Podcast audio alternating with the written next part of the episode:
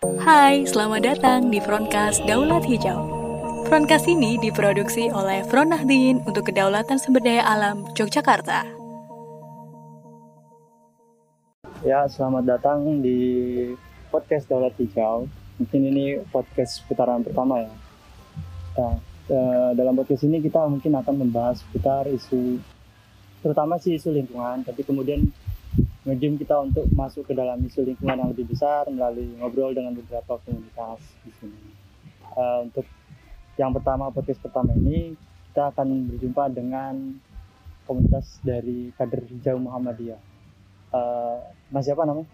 Abi Abi Abi Mas Abi. Ah, Abi. Ya Mas Abi ini dia salah satu kader hijau Muhammadiyah di Yogyakarta Hmm. yang uh, kita tahu lah kalau kader hijau Muhammadiyah ini kayaknya dia uh, mungkin uh, sekitar dua tahun ini ya sekitar dua tahun Ya, dua berdiri tahun ini. dan dan cukup cukup serius dan fokus dalam uh, membahas soal isu lingkungan secara khusus dan kemudian isu ling- isu sosial secara lebih luas. Uh, di sini mungkin nanti kita akan akan berbicara ya mas, Uh, bicara soal soal tadi yang pertama seputar dari komunitas kader hijau Muhammadiyah sendiri gitu.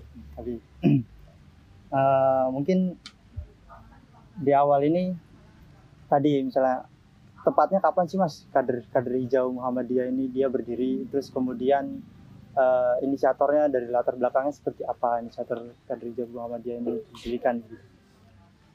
Eh, ya, eh, jadi eh, kader hijau Muhammadiyah sendiri itu kalau secara resminya ya, Hmm. secara resminya itu tanggal 14 Desember 2018 berdiri. Ya. Nah, eh, tapi sebelum itu, sebelum apa namanya, sebelum berdiri secara resmi seperti itu, eh, kayak semacam apa benih-benih untuk menuju ke pendirian kader hijau Muhammadiyah itu sudah ada sebelumnya. Iya.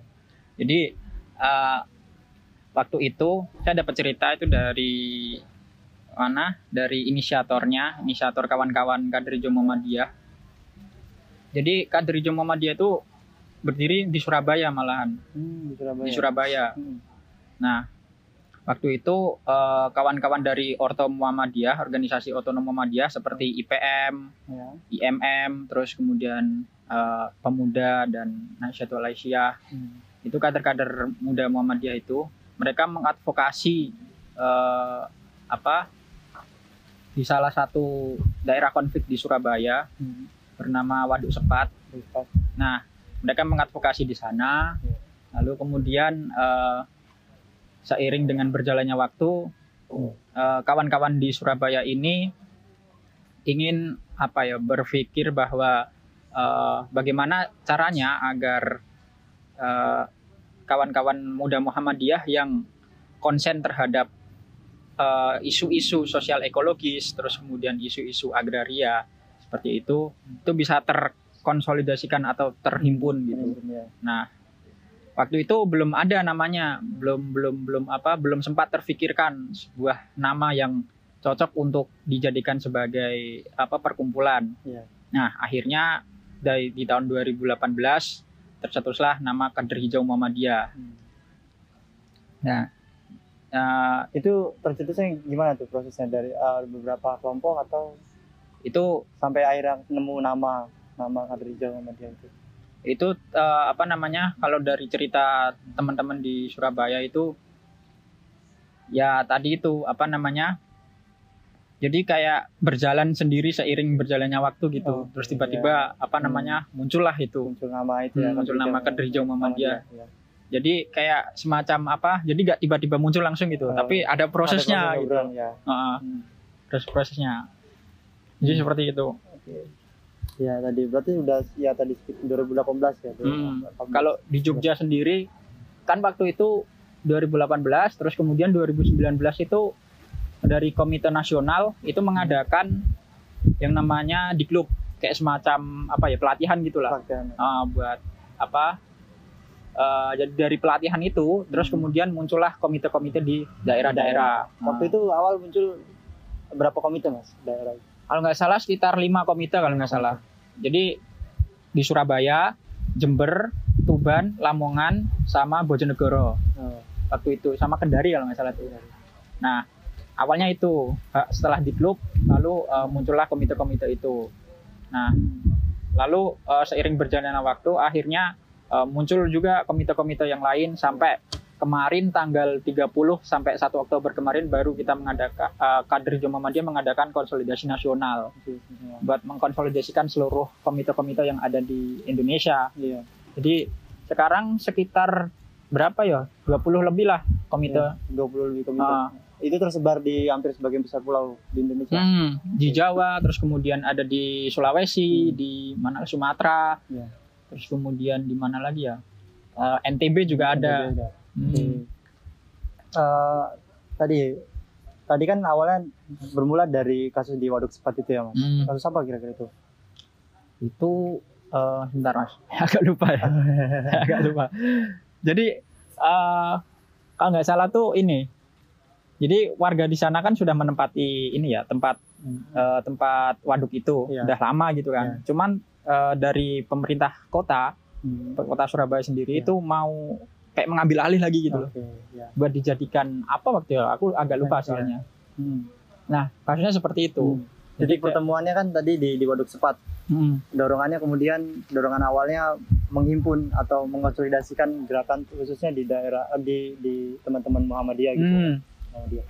Nah dorongan spesifiknya misalnya sampai akhirnya muncul istilah kader, terus kemudian muncul nama hijau di sana. Apakah memang konsentrasinya atau fokusnya dia lebih ke isu lingkungan atau juga uh, uh, juga membahas isu-isu yang lain misalnya di di di, di gitu di, di di wilayah lain itu bidang-bidang isu yang lain. jadi hmm, apa namanya muncul istilah uh, kader hijau Muhammadiyah sendiri itu lebih bergerak di bidang-bidang soal lingkungan dan Hmm. ekologi Iya. dikarenakan uh, melihat Hmm. bahwa kerusakan-kerusakan ekologi, kerusakan-kerusakan lingkungan yang terjadi sekarang ini tuh sudah sangat masif sekali seperti itu dan eh, maka dari itu eh, sebagai kader Muhammadiyah Hmm. memiliki tanggung jawab, Hmm. tanggung jawab untuk Hmm. eh, ikut serta dalam me- paling tidak me- inilah apa mengerem ataupun eh, ataupun menghambat agar kerusakan lingkungan ini tuh tidak Hmm. terjadi secara lebih luas ya. gitu. Hmm. Heeh. Dan sebetulnya kalau misalnya latar belakangnya apakah apakah ten- apa dibatasi hanya pada kalangan Muhammadiyah aja, terus kemudian eh, juga membuka eh, apa namanya latar belakang dari teman-teman yang di luar dari Muhammadiyah kira-kira untuk untuk ikut gabung bersama KM. Kalau untuk apa namanya eh, anggota ataupun pengurus ataupun kader di KHM sendiri itu eh, tidak terbatas, Oke. tidak terbatas oleh eh, apa namanya oleh hanya kader-kader Muhammadiyah saja. Karena KHM sendiri itu dia bukan ortom, Oh, jadi dia dia bukan bukan di Oh, bawahnya oh, Muhammadiyah. iya. Nah, ka- jadi gitu mas, apa namanya? Ah, kadang-kadang tuh eh banyak ini banyak apa namanya kader-kader di luar KHM ya Iya. itu yang mengira bahwa KHM ini sebagai ortom baru gitu oh, Padahal oh, enggak, oh, enggak. bukan. Ah, Hmm. iya. jadi KHM itu dia gerakan kultural Hmm. dia gerakan anak-anak muda Muhammadiyah yang apa yang apa istilahnya yang khawatir dan merasa gelisah terhadap kerusakan-kerusakan lingkungan yang terjadi sekarang ini dan lalu mereka membuat sebuah perkumpulan jadi Hmm. mereka kultural nggak ada hubungan struktural dengan Muhammadiyah nggak ada Oke. jadi makanya itu semua Hmm. orang eh, yang satu semikiran dengan Hmm. eh, KHM Ya, boleh gabung. boleh gabung Oh, kecuali iya. oligarki. Oke oke. Itu kayak gitu bisa digaris bawah. Iya itu di garis bawah ya kecuali itu. Atau atau anggota partai mungkin ya. Ah, anggota partai ya gitu-gitu. ya gitu. Eh, tadi nih kan nyinggung nyinggung soal bahwa bahwa apa, apa bahwa KM ini dia bukan bukan ortom dari Muhammadiyah. Lalu Hmm. kemudian kemunculan KM ini mendapat respon seperti apa dari dari pengurus Muhammadiyah sendiri nih?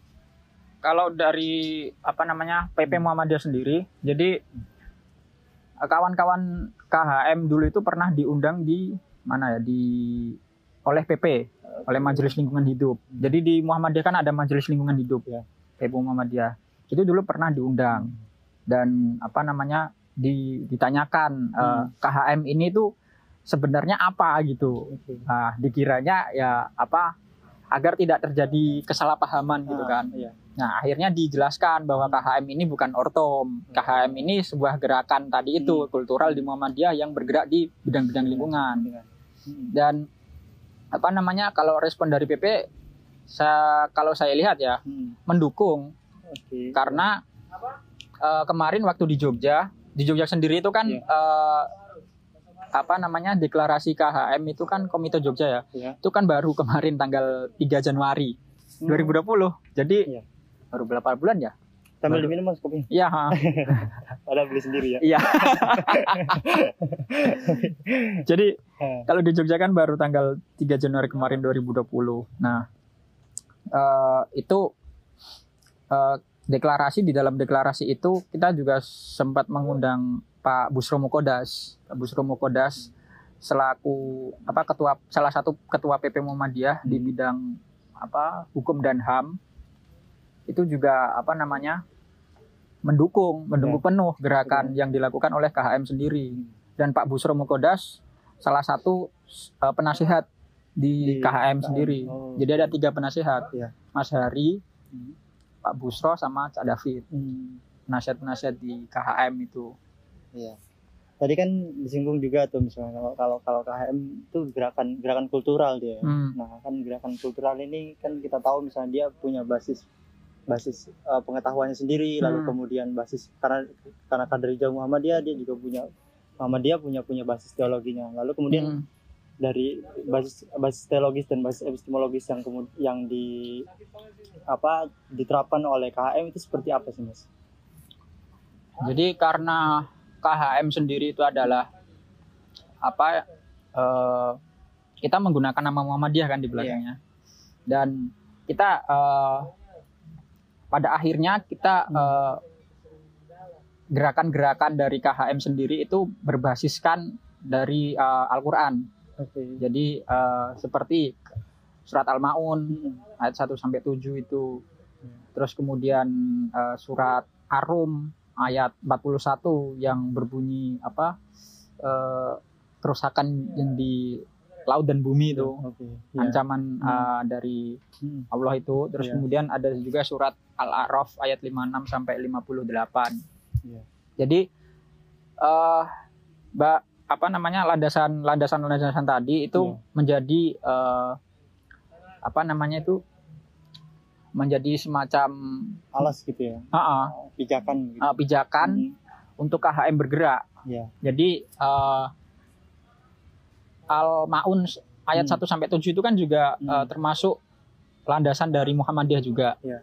Jadi kita memanifestasikan nilai-nilai Muhammadiyah juga di Hmm. dalam gerakan-gerakan KHM.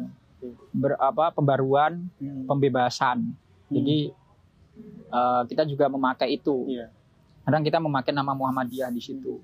Nah dari perasan dari konsep tadi misalnya konsep teologi yang ada di Muhammadiyah itu kalau di diterjemahkan ke dalam apa ya katakanlah kegiatan di Muhammadiyah itu sendiri gimana misalnya ada ada ada sektor-sektor tertentu nggak yang membahas konsep tertentu misalnya bagian struktur mungkin atau siapa gitu Eh maksudnya gimana mas? Bentar, bentar. Iya. Ya belum masuk. Ya belum masuk. dari dari menerjemahkan tadi misalnya konsep-konsep teologi yang Ah. yang menjadi pijakan di Muhammadiyah apa eh, Muhammadiyah lalu kemudian pijakan dalam Islam itu sendiri di KM khususnya di Jogja misalnya itu diterjemahkan misalnya dalam bentuk apa mas di dalam organisasinya misalnya agenda apa gitu yang itu Eh, Oh. mungkin eh, apa menerjemahkan konsep Islam dan perlawanan misalnya begitu ada ada ada diskusi soal itu mungkin kayak gitu atau gimana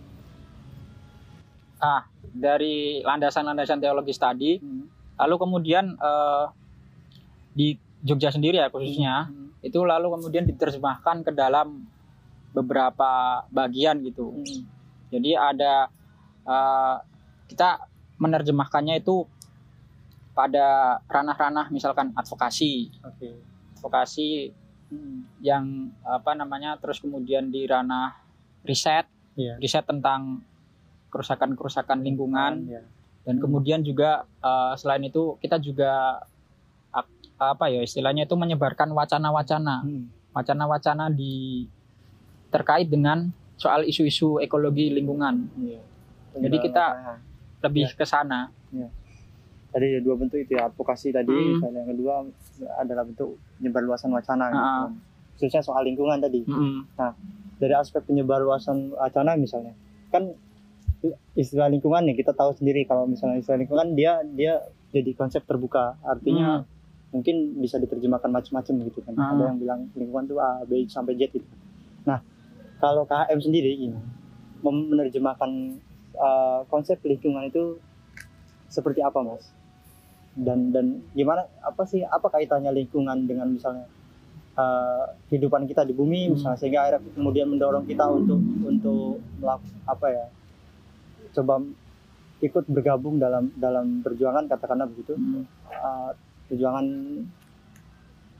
uh, apa menahan atau atau setidaknya menyebarluaskan bahwa bahwa kondisi sosial yang sekarang kita kita alami ini ya sedang dalam situasi yang apa situasi kerusakan begitulah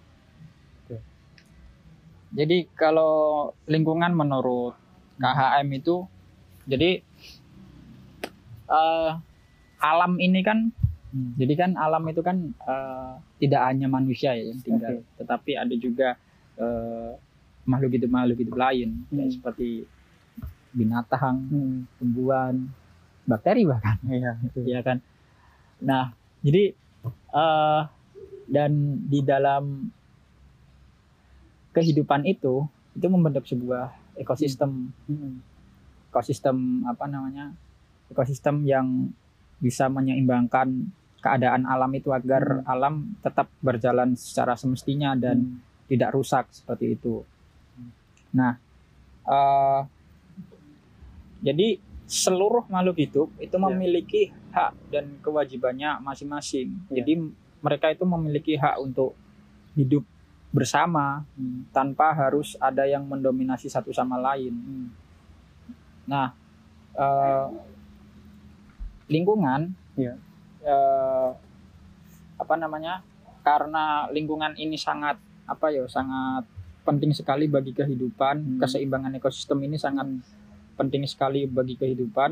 Maka dari itu eh, lingkungan ini tuh harus tetap dijaga agar tetap lestari dan harmoni seperti itu. Iya. Jadi kita bagian bagian dari alam alam ini juga harus saling jaga begitu Iya. ya. Ah, Oke. Karena juga manusia kan sebagai khalifah di muka bumi ini. Iya.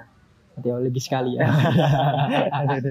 Menjaga Jaga ya. Menjaga apa namanya eh, lingku eh, alam ini Ah. agar alam itu tidak rusak Iya. manusia. Nah, maka dari itu eh, KHM eh, apa namanya memiliki tanggung jawab untuk menjaga itu tadi, Iya. menjaga lingkungan agar tidak rusak dan menghambat sebisa mungkin Hmm. agar lingkungan itu atau alam Hmm. itu tidak tidak apa namanya itu tidak mengalami yang kerusakan lebih parah gitu. hmm, yang lebih parah Ah, dan kehancuran seperti itu. Kemudian ya ya. Nah kan eh, kerusakan itu misalnya kita kita melihat eh, banyak lah fenomena-fenomena kerusakan alam dari mulai dari mulai misalnya eh, es yang mencair mungkin Hmm. di kutub lalu Hmm. kemudian gas apa apa namanya pencemaran udara segala macam gitu dan dan dan tadi misalnya kalau kalau berangkat dari dari pandangan KM tadi sendiri melihat bahwa manusia dan dan lingkungan ini nggak dia nggak terpisah begitu kan Hmm. Nah, itu. dan dan ketika misalnya uh, lingkungan rusak maka juga akan berdampak timbal punya dampak timbal balik terhadap kehidupan manusia itu sendiri ya Iya. gitu. ah, Nah, ah. nah sementara ini misalnya kita melihat bagaimana sih krisis yang terjadi sebetulnya sebetulnya apa sih yang bisa kita kita apa ya kita lihat atau menjadi titik berangkat dari munculnya krisis yang krisis sosial dan krisis lingkungan yang terjadi di di, di Indonesia khususnya atau Hmm. dalam skala global misalnya Hmm. secara luas gitu. Jadi eh, kalau krisis yang terjadi sekarang ini karena ini ya kalau Hmm. ini kalau menurut saya sih Iya. apa namanya krisis ekologi ataupun krisis Hmm. lingkungan yang terjadi sekarang ini kalau menurut saya sih eh, jadi ekosistem ini sudah mulai tidak seimbang Hmm. ekosistem di alam ini tuh sudah mulai tidak seimbang Iya. dan karena ketidakseimbangannya itu Hmm. akhirnya eh, terjadi banyak sekali bencana-bencana Hmm. bencana alam Hmm. misalkan apa eh, tanah longsor seperti Hmm, itu iya. tanah longsor kan diakibatkan oleh adanya penggundulan hutan terus kemudian banjir besar Hmm. karena adanya penambangan misalkan Iya. dan kemudian perubahan iklim yang diakibatkan oleh banyaknya jejak-jejak karbon Hmm. yang di terus kemudian selain itu juga ada bencana non alam misalkan pandemi Hmm. pandemi di mana yang sekarang terjadi Iya, COVID. COVID-19 Iya, ini iya. terus kemudian kelaparan yang diakibatkan oleh adanya eh, apa ya kebijakan tentang pangan yang tidak Hmm. seim tidak apa ya tidak Hmm. pro kepada rakyat kecil terus Hmm. kemudian kemiskinan dan itu semua akibat adanya kalau menurut saya ini dominasi antara manusia satu dengan manusia yang lain jadi Oh. manusia satu ini apa eh, oligarki Hmm. oligarki ya salahkan aja oligarki ini Lagi-lagi itu ya penyebabnya. iya penyebabnya adalah oligarki pokoknya salah oligarki jadi Oke. oligarki ini sekelompok manusia ini Hmm. itu eh, menguasai banyak sekali manusia atau mendominasi banyak sekali manusia yang akhirnya itu mengakibatkan eh, krisis lingkungan. Hmm. Hmm. Kan kita bisa lihat ya sekarang apa namanya kayak semacam eh, kayak undang-undang omnibus law ini. Iya, sekarang yang iya. Eh, padahal ditolak Hmm. banyak orang, Hmm. tapi tetap aja di disahkan. Iya. Ya Allah, pilkada. Hmm. Padahal udah tahu pandemi, tapi tetap aja dilaksanakan. Hmm. Wah gila gila gila. Berarti dominasi ya tadi kelompok oligarki, kelompok oligarki ini ya, segelintir orang yang kemudian menjadi asal penyebab dari Ah. dari krisis lingkungan Ah. dan krisis sosial itu yang terjadi ya. Kayak Misalkan eh, kita kan bicara tadi misalnya a- apa gimana kita coba mengaitkan misalnya mas ini agak serius sedikit Ya ya oke oke serius serius serius serius. Aku minum kopi dulu mas. Coba mengaitkan misalnya tadi. Sebetulnya kalau kan kita tadi udah nyinggung tuh bahwa, bahwa alam dan lingkungan ini dia kan dua entitas yang sebetulnya nggak nggak terpisah atau dua Hmm, bentuk yang nggak hmm, terpisah. hmm. Lalu kemudian misalnya kerusakan lingkungan juga juga mengakibatkan krisis di satu sisi krisis manusia di sisi yang lain. Mm-mm. Gimana sih kita bisa memahami itu mas? Atau misalnya KHM KHM sendiri memahami bahwa ke- keterkaitan antara antara krisis lingkungan dan krisis man, krisis di manusianya itu loh. Gimana kita memahami itu? Mas? Eh, jadi agar terjadi ini ya apa Hmm. namanya terjadi keseimbangan Hmm. agar manusia dengan alam ini bisa hidup Hmm. saling berdampingan. Hmm. Eh, kalau menurut saya sih eh, apa namanya? Jadi eh, sik mulai dari manusianya dulu sih. Hmm. Jadi sikap semua itu kan dikarenakan oleh sikap keserakahan dari manusia. Iya. Kalau kita ber, ber ini ya apa namanya berdasarkan kepada Hmm. aspek teologis gitu yang sudah di di apa di diberikan eh, apa namanya difirmankan oleh Allah gitu Iya. kan Hmm. di Al-Qur'an seperti surat Ar-Rum ayat 41 itu dan kemudian ditambah lagi bahwa manusia itu sebagai khalifah di muka bumi. Eh, jadi kan sebenarnya manusia ini memiliki sebuah sifat keserakahan gitu. Kalau kita melihatnya dari sikap sifat manusia dulu, Hmm. maka dari itu eh, manusia ini tuh mereka harus bisa me- menundukkan Hmm. keserakahan mereka. Mereka harus bisa menundukkan hawa nafsu mereka Ya. agar mereka itu tidak tidak apa tidak rakus Hmm. dalam me- me- apa mengeksploitasi alam semesta ini. Nah, eh, saya rasa eh, ada sebuah sistem yang Hmm. yang belum belum ini ya belum seimbang di Iya. di dalam apa alam ini di dalam kehidupan ini yang itu disebabkan oleh tadi itu apa keserakahan manusia yang ingin ingin menguasai Hmm. sebanyak mungkin eh, sebanyak ingin menguasai ingin mendominasi dengan sumber daya alam gitu sumber ya. daya alam iya atau kekayaan muka bumi ini Mm. Nah, jadi sistem itulah yang mengakibatkan adanya uh, ketimpangan itu. Nah, Hmm. selain itu juga uh, selain kepada alam ya, manusia ini juga harus me- memikirkan keadaan manusia satu dengan manusia yang lainnya. Oke. Karena uh, kita lihat sendiri masalah-masalah yang terjadi dewasa ini seperti misalkan perampasan-perampasan lahan Hmm. itu juga diakibatkan oleh adanya uh, ketimpangan dominasi ini. Hmm. Misalnya manusia satu dengan manusia yang lain ini sama-sama pengen Hmm. apa menang gitu. Iya. Uh, s- manusia itu harus menurunkan egonya tadi Hmm. itu, menurunkan egonya masing-masing terkait dengan uh, apa sih uh, nafsunya tadi. Hmm. Jadi mereka harus mau untuk me- menurunkan itu tadi. Oh. Jadi naf- nafsu itu ya sebetulnya jadi jadi, Hmm. eh, jadi sumber-sumber dari kerusakan begitu ya. Hmm.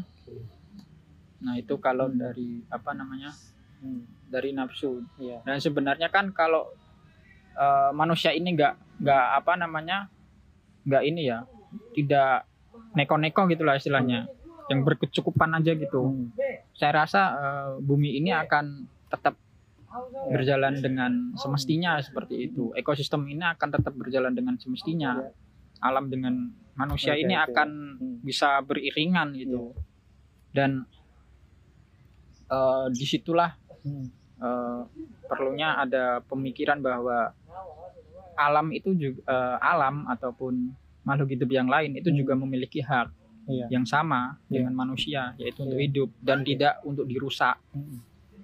Gitu ya. Dirusak, dieksploitasi, Hmm. dicuri sumber Hmm. dayanya begitu ya. Iya. Dan, dan itu kan dari dari manusia, dari manusia yang yang merasa mendominasi nafsu, Hmm, hmm, nafsu dia untuk menguasai kekayaan alam ini begitu ya. hmm. kalau misalnya apa eh dan dan dan kalau ya tadi misalnya kalau misalnya kerusakan ya nanti kita lagi yang menanggung gitu kan Hmm. tapi yang disebut manusia di sini itu apakah semua manusia misalnya nafsu manusia ini kita bilang semua nafsu manusia atau atau ada ada ada apa ya tidak semua manusia sebetulnya yang yang Hmm. yang yang berikut andil dalam dalam apa apa mun- memunculkan atau melahirkan krisis sosial ekologis ini gitu. Jadi sebenarnya tidak semuanya.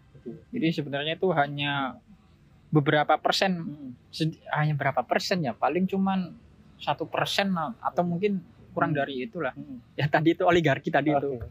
Jadi Nah, sekelompok kecil manusia tadi itu Hmm. yang memiliki hasrat besar ingin Hmm. menguasai dunia dan ingin mendominasi hmm. yang terus pada akhirnya itu dampak dan akibatnya sangat apa ya sangat membesar gitu Hmm. Iya. jadi bu- tidak semua manusia Hmm. jadi hanya segelintir manusia saja manusia itu tadi ya. Mm-mm. ya segelintir orang itu yang yang menguasai alam tapi yang menerima dampak kerusakannya Mm. hampir sebagian besar orang nah iya apalagi terutama kalangan-kalangan bawah gitu ya Hmm. babak belur terus dia kan Mm, masyarakat masyarakat bawah itu oke gitu Eh, nah tadi misalnya eh, ini kan kita udah bicara udah bicara soal soal lingkungan ya sampai Hmm. ke krisis lingkungan terus kemudian apa sih sebetulnya yang yang yang menjadi pemicu atau pemicu munculnya masifnya krisis lingkungan yang terjadi di, di Indonesia khususnya atau di, di di dunia secara luas gitu. Nah melihat itu kira-kira langkah spesifik apa yang coba di di apa ya diupayakan KHM gitu untuk tadi misalnya coba menahan sedikit tuh Mm. putaran dari krisis lingkungan yang sedang terjadi gitu. Ah, kalau ini ya kalau KHM sendiri yang sudah dilakukan dan yang akan dilakukan dan yang belum dilakukan itu. ini lengkap ini. Iya, lengkap. Paket lengkap ya.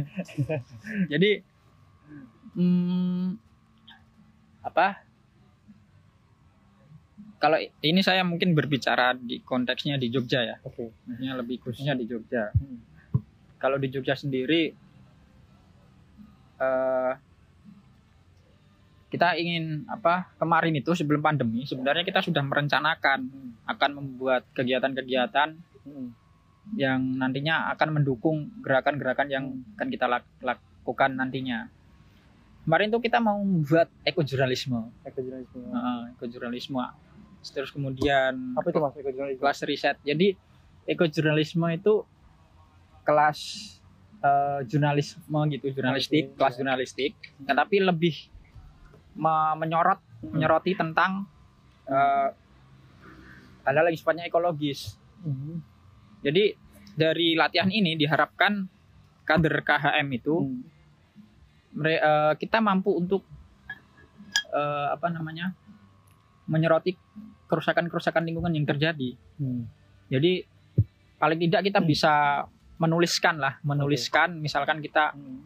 menemui eh, kayak semacam kerusakan lingkungan, misalkan kayak misalkan penambangan, Iya. penambangan apa eh, di mana tuh Merapi tuh Iya. penambangan eh, pasir, Pasir, pasir, pasir, nah pasir. penambangan pasir Hmm. misalkan di Merapi, terus kemudian eh, apa masalah-masalah lingkungan yang lain misalkan kita bisa menuliskannya itu Iya, iya. tanpa eh, harus kita menjadi seorang jurnalisme gitu, Hmm. jurnalistik gitu, Iya. jurnalis gitu. Jadi dulu itu rencana seperti itu. Kita Hmm. terinspirasi dari ini citizen jurnalisme itu. Hmm. Nah, jadi kan setiap orang itu bisa menuliskan apa berita yang berita ya yang ada, yang ada di sekitar dia. hmm, yang ada di sekitarnya dia. Jadi eh, tujuannya itu seperti itu. Jadi setiap kader itu memiliki bekal untuk menuliskan sebuah berita gitu. Nah, ekojurnalisme itu. Itu ada pelatihan jurnalistik juga gitu. Mm-mm, Menulis, iya. dari menulis terus kemudian Mm. bagaimana menyusun wawancara. Mm-mm. Oke. Iya, jadi wawancara, menulis, menulis Iya. berita seperti apa. Hmm. Nah, awalnya seperti itu. Hmm. Kita udah mau ini, udah mau menetapkan tanggalnya, udah menetapkan waktunya. Iya. Tiba-tiba COVID. Waduh, pusing jadinya. Waduh, gimana ini COVID? Waduh, Bubar ya, jadi. bubar jadi. udah langsung kita schedule dulu lah. Direct Kita ya. tunda dulu. Tunda dulu. Oke. Termasuk juga kelas riset. Hmm.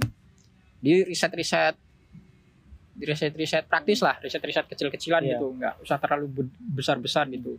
Misalkan kita meriset tentang eh, sekolah-sekolah di Muhammadiyah, Hmm. sekolah-sekolah di Muhammadiyah, apakah sudah green atau belum? Oke. Terus kemudian eh, selain sekolah juga perguruan tinggi Hmm. di Muhammadiyah seperti eh, apakah sudah eh, apa menerapkan Hmm. ke eko apa menerapkan uh, kelestarian lingkungan atau Iya. tidak seperti itu. Jadi riset-risetnya itu praktis-praktis. Hmm. Nah, kita ingin uh, di situ lebih Iya. ke situ kan. Jadi agar apa kalau riset yang serius itu kan Hmm. uh, berat kan ya, Iya. berat banget. Nah, makanya itu kita ingin Mulai dari yang kecil-kecil. ah, dulu kecil-kecil gitu. dulu, kecil-kecil dulu. Hmm. Nah, kalau riset itu rencananya kan ekojurnalisme dulu, Iya. kemudian baru di, di riset. Hmm. Tapi ya karena tadi kembali ya. lagi COVID lagi, Akhirnya tunda semua. tunda semua. Wah, pusing ini gimana ini ya, covid semua. Nah, Hmm.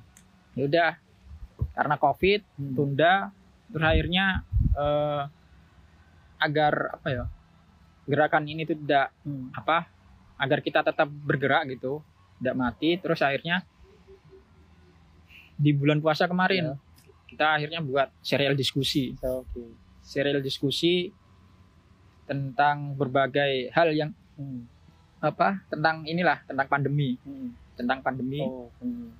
Gimana tuh? Eh, Apa tema-tema yang dibahas? nah tema-temanya itu tentang misalkan pertambangan tuh? Oke. pertambangan eh, di er- di masa pandemi ini apakah masih berjalan apa enggak Hmm. Terus kemudian pangan Hmm.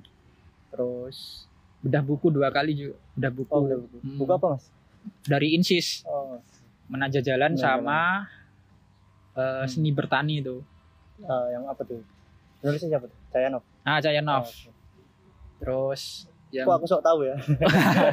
Untuk benar ya? Ah, aja. ah, bener Vandervlog itu Oh, benar. Terus yang dua itu wah agak lupa ya. Iya. Oh tentang omnibus law Hmm.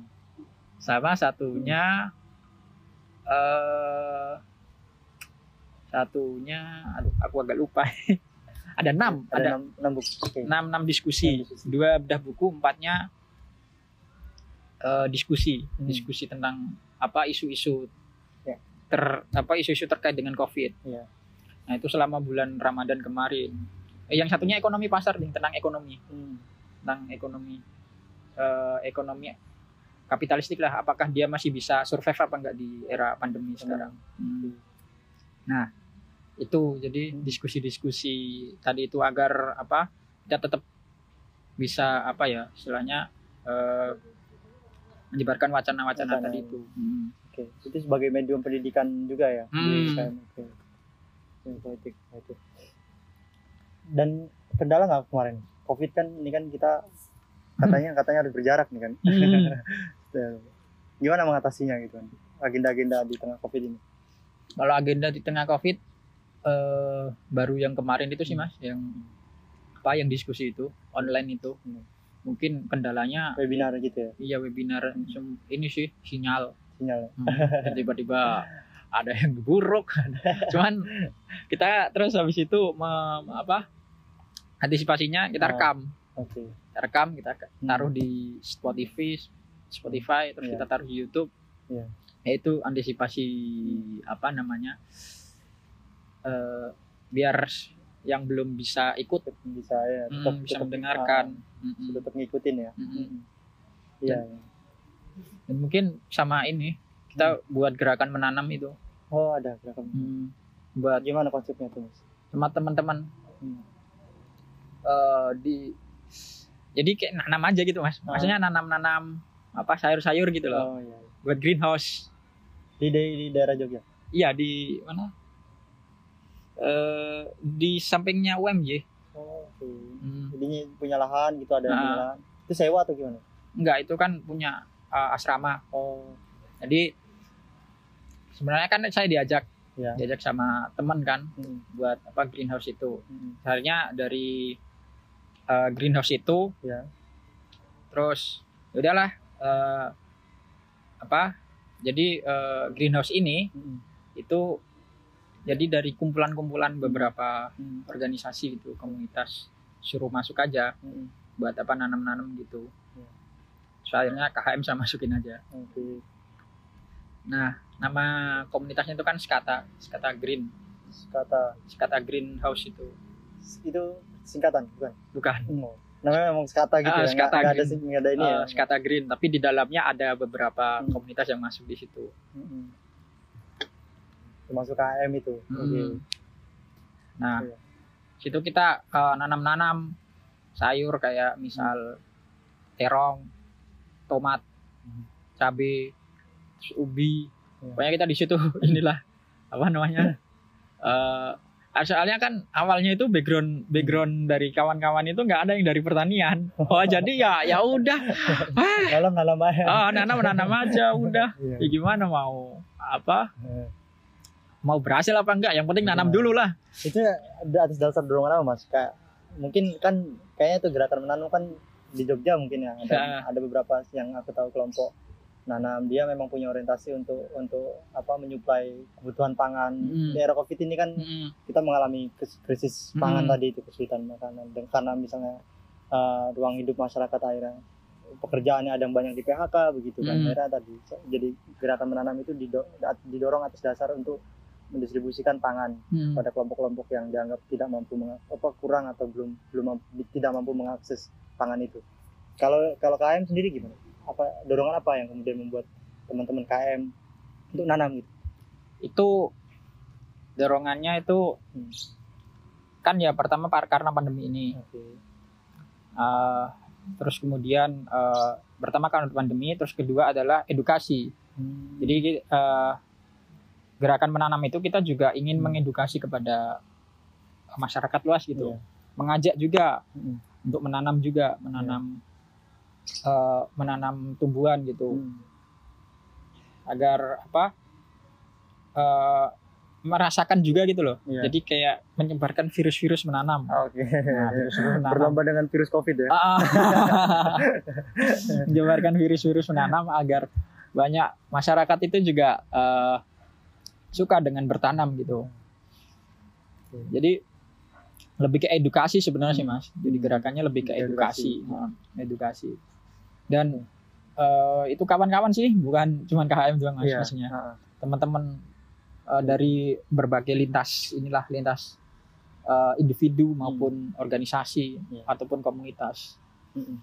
Ini di situ sih apa gerakan menanam tuh. Eh, mungkin yang terakhir ya mas Hmm. tadi kan kita tadi misalnya krisis lingkungan terus kemudian ya kalau kita kita yang kita hadapi lah di era sekarang ini. Hmm. jadi generasi sekarang kayaknya jadi generasi yang menghadapi berbagai macam persoalan terutama lingkungan ya masifnya kerusakan lingkungan di beberapa wilayah di Indonesia misalnya terus kemudian ya ya salah satunya juga COVID itu kan COVID juga kita memahami bahwa COVID itu bukan bukan bukan karena memang apa eh, disebabkan secara alamiah tapi juga dia ada campur tangan manusia juga Hmm, tadi hmm, iya, merusak iya. lingkungan sehingga akhirnya Hmm, kemudian hmm, dampaknya berbalik ke manusia itu sendiri. Iya. Nah dari dari semua perso- persoalan lingkungan atau yang kita sebut sebagai krisis sosial ekologis ini sebetulnya bayangan apa ya sebutlah utopia seperti apa sih Bro?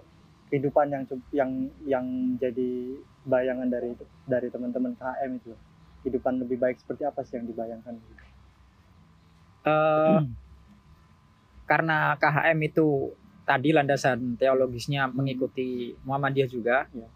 dan tujuan Muhammadiyah adalah apa salah satunya adalah Hmm. menuju masyarakat Islam yang sebenar-benarnya jadi eh, mungkin utopianya adalah di situ. Eh, apa membentuk sebuah masyarakat Islam yang sebenar-benarnya Iya. nah sebenar sebenar-benarnya ini kan Hmm. eh, masih ini ya apa istilahnya itu belum final Iya, Masih sangat terdinamisasi ya. ya. dinamisa apa namanya masih bergerak terus gitu Iya.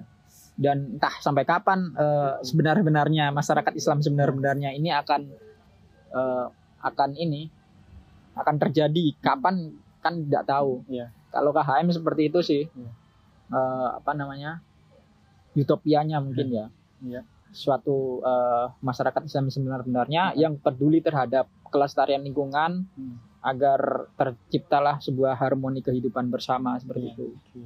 Dan tidak ada dominasi manusia satu dengan manusia yang lain seperti itu dan kita bisa hidup berdampingan dengan alam Oke, terima kasih. Mungkin eh, itu ya, itu cukup menarik, obrolan menarik bersama Mas siapa? Karena Abi. menarik ini aku Ah. jadi lupa nama Mas Abi. Mungkin ya itu tadi obrolan dari Mas Abi. Ya kita membangun hidup yang lebih harmonis itu harapan ke depan misalnya. Bangun hidup yang lebih harmonis tanpa ada dominasi antar manusia dengan manusia yang lain gitu. Kemudian mampu hidup secara berdampingan dengan alam gitu. Jadi Hmm, ya aspek dua aspek itu berarti kan kehidupan harmonis ini nggak hanya manusia dengan manusia aja gitu ya tapi Ah. manusia dengan alam juga gitu Eh, mungkin itu eh, podcast Daulat Hijau kita yang bersama dengan Kader Hijau Muhammadiyah eh, sampai di sini aja ya kita dan dan tunggu podcast podcast selanjutnya terima kasih Oke.